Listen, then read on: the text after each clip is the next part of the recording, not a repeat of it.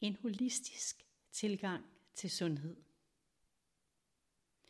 Lægevidenskaben har gjort det muligt at lindre mennesker, der er i stor smerte, og hjælpe mennesker i akutte, livstruende tilstande. Alligevel lider mange mennesker fortsat af kroniske lidelser, vurderet ud fra antallet af mennesker med kroniske diagnoser. En større bevidsthed om kroppens helende evner og sammenhængen mellem krop, sind og bevidsthed kan være frisættende i forhold til at slippe kronisk lidelse. Under tiden kan det alene være tilstrækkeligt at følge vores dybeste længsler og ønsker, uanset hvad andre måtte tænke og mene. Tænk på den kraftpatient, der opgivet af lægevidenskaben, og som efterfølgende begynder at leve livet ud fra sine inderste drømme, og til stor overraskelse for alle lever videre i mange år. Når sindet i sandhed opgiver at være i kontrol over det, der grundlæggende er uden for sindets kontrol, kan en større bevidsthed tage over, hvorved kroppen kan hele, og samtidig kan vi blive mere bevidste om vores lidelser. Ved at blive mere bevidste om vores eksistens, det vi dybest set er, og acceptere alt det, der måtte komme og gå, genvindes indre ro. I indre ro er kroppen i stand til at hele de fleste tilstande af sig selv. Ovenstående udsagn kan lyde urealistisk, hvis man tror, at der altid skal gøres noget, når man lider, og at løsningen altid findes uden for os selv. Alligevel er vi tiltagende mange mennesker, der allerede har gjort os erfaringer med, at denne tilgang er mulig.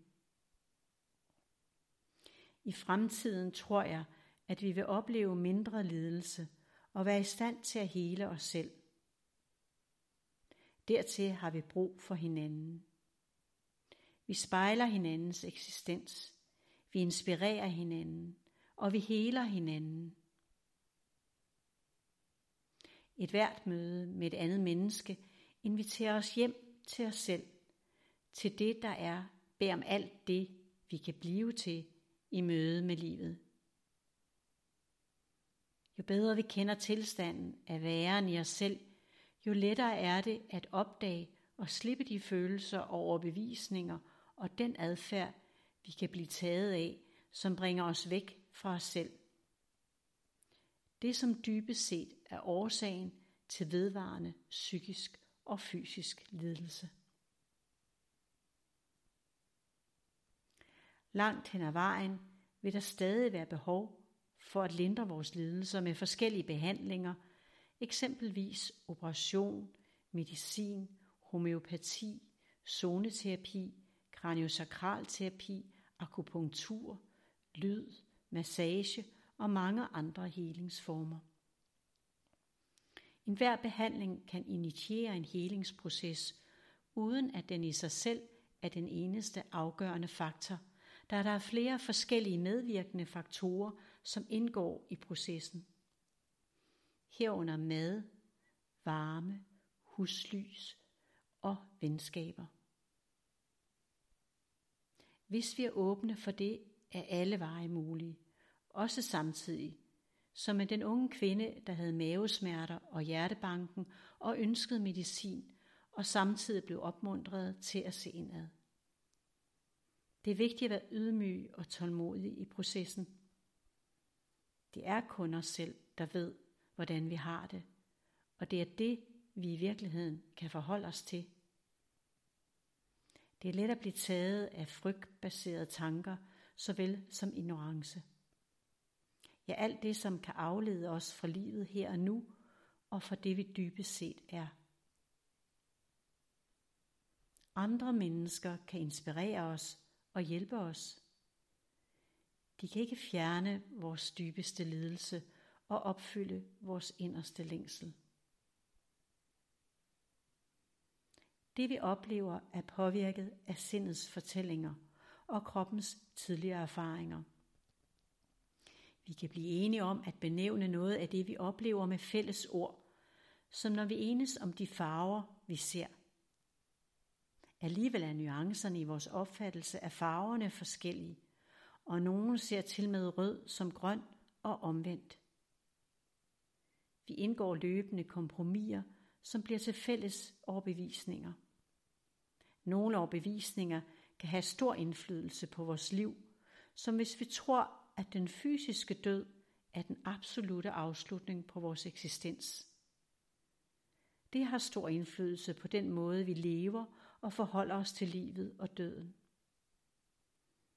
Jeg tror, at hvis vi åbent og nysgerrigt forholder os til de overbevisninger og fortællinger, vi har skabt om livet, om os selv og hinanden, vil vi kunne helbrede de fleste lidelser, og de, der ikke kan helbredes, kan vi lære at leve med ud fra en anden bevidsthed. Hvis vi hænger fast i svære følelser som stress, vrede, angst, lavt selvværd og gamle overbevisninger, skader vi os selv og hinanden direkte eller indirekte.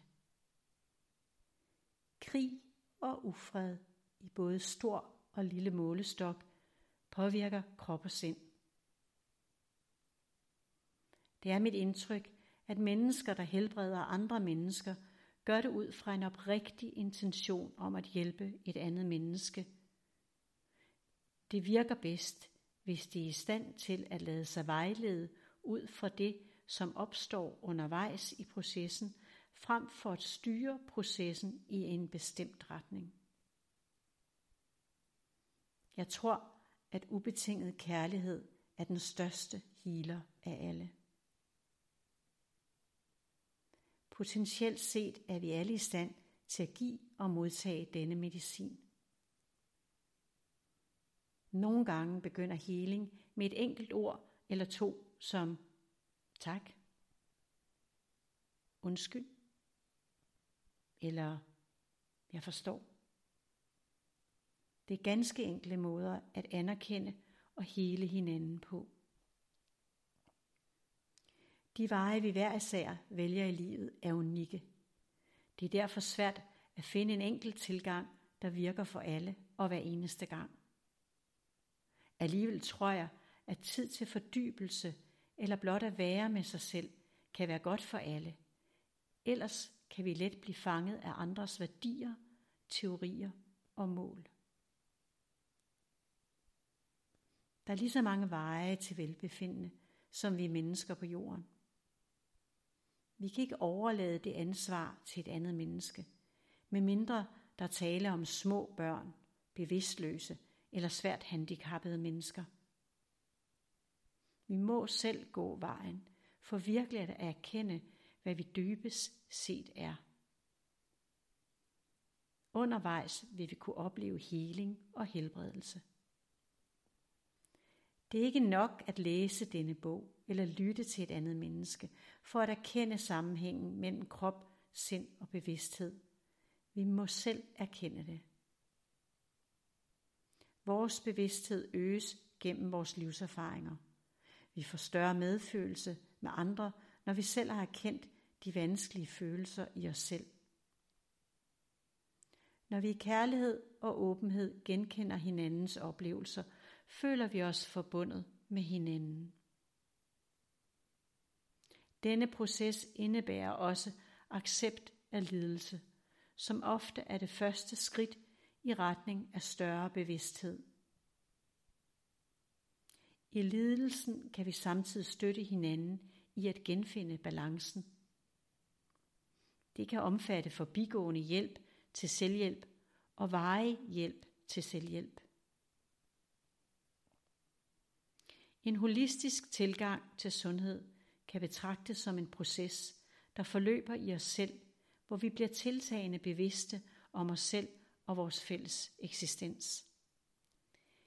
Det vi er og det vi kan blive til.